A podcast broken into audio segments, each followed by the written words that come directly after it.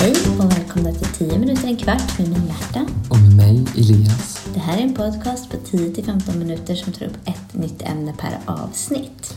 Och idag, Märta, ska vi faktiskt prata om någonting som har spridit sig ordentligt sedan man upptäckte det i Kina. Och då ska jag bara lägga till, du ska få en ledtråd där. Det upptäcktes förra året, så du behöver inte börja så tänka på fyrverkerier eller mm. tryckpressen. Eller, det upptäcktes för sig i Europa då.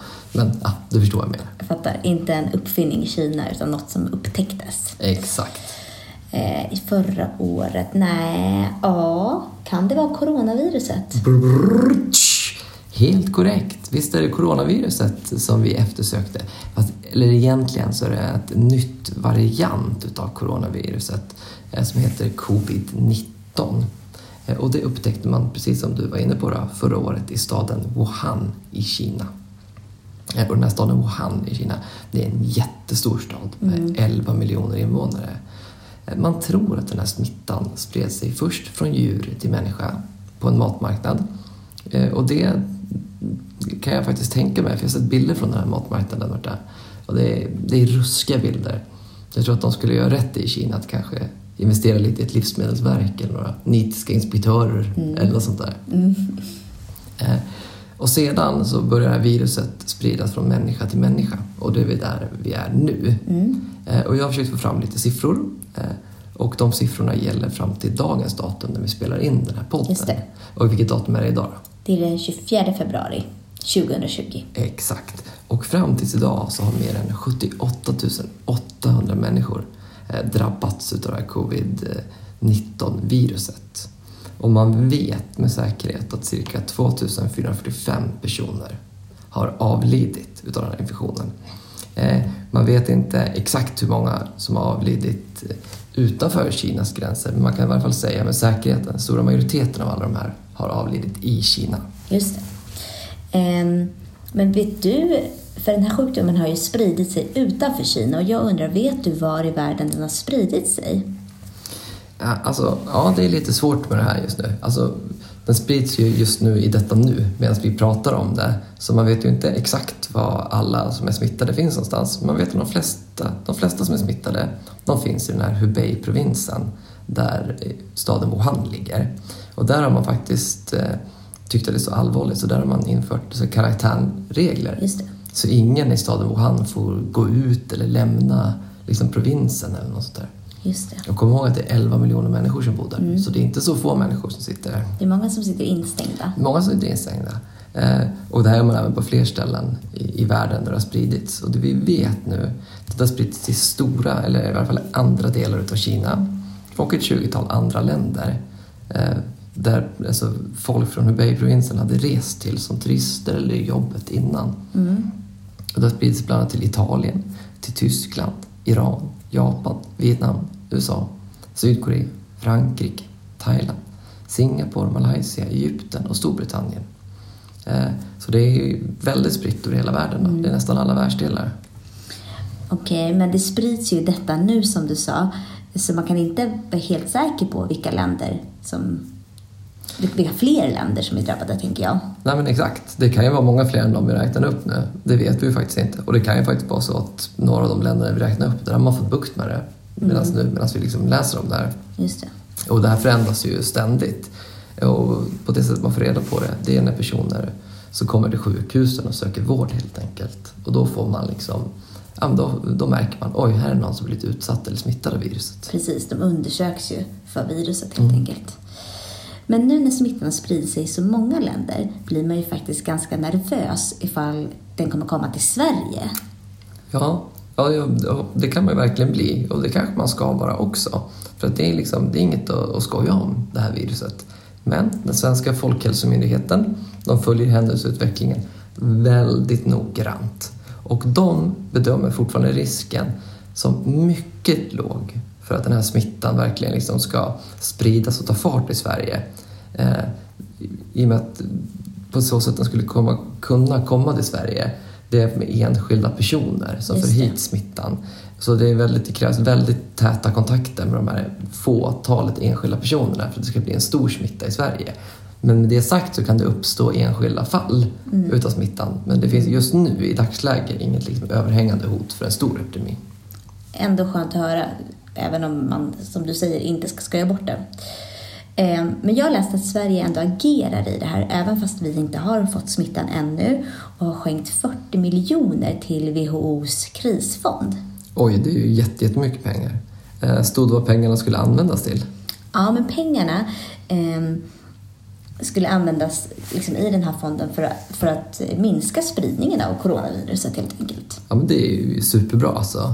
Men det här WHO då, vad är det för något? Ja, men WHO står för Världshälsoorganisationen och eh, och det är till den här krishanteringsfonden som pengarna ska gå till.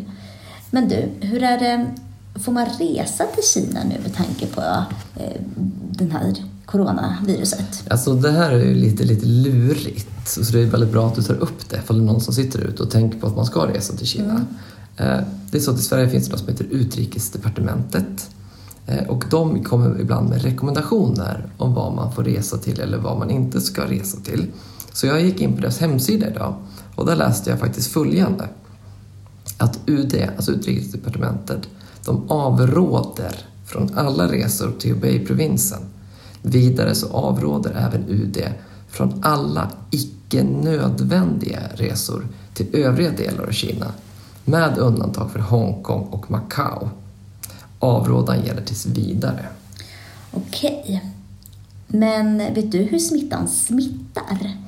Men på ett ungefär. Och man tror i alla fall i nuläget att corona smittar via nära kontakt mellan personer. Och man måste vara väldigt nära varandra för att man ska kunna bli smittad. Men är det luftburet? Eh, inte vad jag lyckats få fram, utan vad jag lyckats få fram så ska det smitta via kroppsvätskor. Till exempel att någon nyser eller hostar. Eh, men det handlar om så väldigt, väldigt små partiklar. Så det räcker med att man får en ytterpytteliten partikel på sig så kan man bli smittad. Och jag tror att det är därför du ser att folk i asiatiska länder från Kina så att de går väldigt ofta med sån här munskydd. Just det. Och jag har hört att de här munskydden börjar liksom ta slut. Folk köper upp dem och ja, Ja men absolut, det gör de. Så man skulle kanske varit så här munskyddsförsäljare. någonstans. tänkte på det under dagen faktiskt. Mm. Men det råder ju mycket snack med hur farligt corona är. Har du någon koll på det? Alltså, några har ju avlidit, eller några, väldigt många ändå, eh, till följd av det. Så jag förstår att det inte är helt ofarligt. Men ändå, har du har någon liksom... Nej, men alltså det är inte helt ofarligt, det är inte. Men de allra flesta, de blir inte allvarligt sjuka. Eh, Men det finns en del fall av svårare symptom som har rapporterats, precis som dödsfall som du sa. Alltså, men det gäller framför allt för de som är i vissa så riskgrupper. De kan vara gamla eller redan sjuka eller Just gravida. Eh, Inkubationstiden för coronavirus det är 2 till 14 dagar. Eh, Och jag läste att på, på Vårdguiden, då, på den svenska Vårdguiden, att de allra flesta som smittas, de blir lindrigt sjuka med luftvägssymptom som går över av sig själv. Vissa drabbas såklart allvarligare och då kan det liksom liknas ungefär som, som lunginflammation ungefär. Men kunskapen om, om coronaviruset och coronasjukdomen, det, vi får liksom mer information hela, hela tiden. Här. Ja, precis. Det utvecklas liksom information. Mm. Men du sa inkubationstid. Vad är det? Ja, jättebra fråga. Eh, Jättesvårt ord. Inkubationstid. Det är alltså tiden mellan smittotillfället, alltså när man blir smittad och tidpunkten då sjukdomen bryter ut. Just så, det. Så det tar mellan 2 till 14 dagar, alltså 2 till två dagar till två veckor från det att man blir smittad tills det att eh, sjukdomen Att det märks att man är ja, sjuk, liksom. Ja, det är Ja. man själv märker. Liksom. Men man brukar ju ofta prata om symptom när man pratar om sjukdom. Så att om jag blir smittad nu då, vad skulle jag få för symptom? Men luftvägssymptom då? Alltså du hostar eller liksom blir liksom dålig i lungorna. Alltså feber. Just det. Men hur ska man bete sig för att inte bli smittad? Inte resa till den här eh, staden då kanske, Kina för det man, första. man bör åka Wuhan, det bör man ju göra. Men eh, alltså jag tänker att man egentligen ska bete sig precis som vanligt för att inte bli smittad utav eh, influensa och ja. virus. Så att tvätta händerna ofta, kanske sprita dem med sådana här eh, desinfektionsmedel. Undvika att röra eh, ansiktet eller ögon. Alltså ifall du liksom har varit i tunnelbanan eller bussen eller något och liksom tagit på saker och petat på dig själv. Och så klart att man inte ska ha någon kontakt med sådana som redan är utsatta, som redan är smittade utav coronaviruset. Just det. Ja, men tack snälla Elias för genomgången. Nu känner jag att jag har lite mer koll. Ja, verkligen. Då får man verkligen hoppas då att den här smittan slutar sprida sig. Och så tycker jag att vi uppmanar alla till att tvätta händerna väldigt, väldigt noggrant. Ja, och besöka en vårdcentral om man känner sig lite häggig. Men inte vara så orolig, för det står ju också att det är liten, liten, liten risk att det här kommer till Sverige. Och vi som har gjort den här podden heter Elias och Märta och det är en podd som är gjord i samarbete med vikarielärare. Till den här podden finns det en lärarhandledning och arbetsmaterial som ni kan använda innan, under och efter ni lyssnar på podden. Det här hittar ni på vår hemsida www.vikarielärare och där går ni in på Kunskapsbanken med lösenordet vikarielärare. Ni kan hitta den här podden på vår hemsida eller i våra sociala mediekanaler. Vi finns på Facebook som vikarielärare. Gå in och gilla oss. Och vi finns på Instagram som vikarielärare. Gå in och följ oss där. På Facebook har vi också gruppen Lärarnas kunskapsbank där jag uppmanar alla att bli medlem. Här delas det väldigt mycket material och diskussionerna går heta. Tack så mycket. Tusen tack.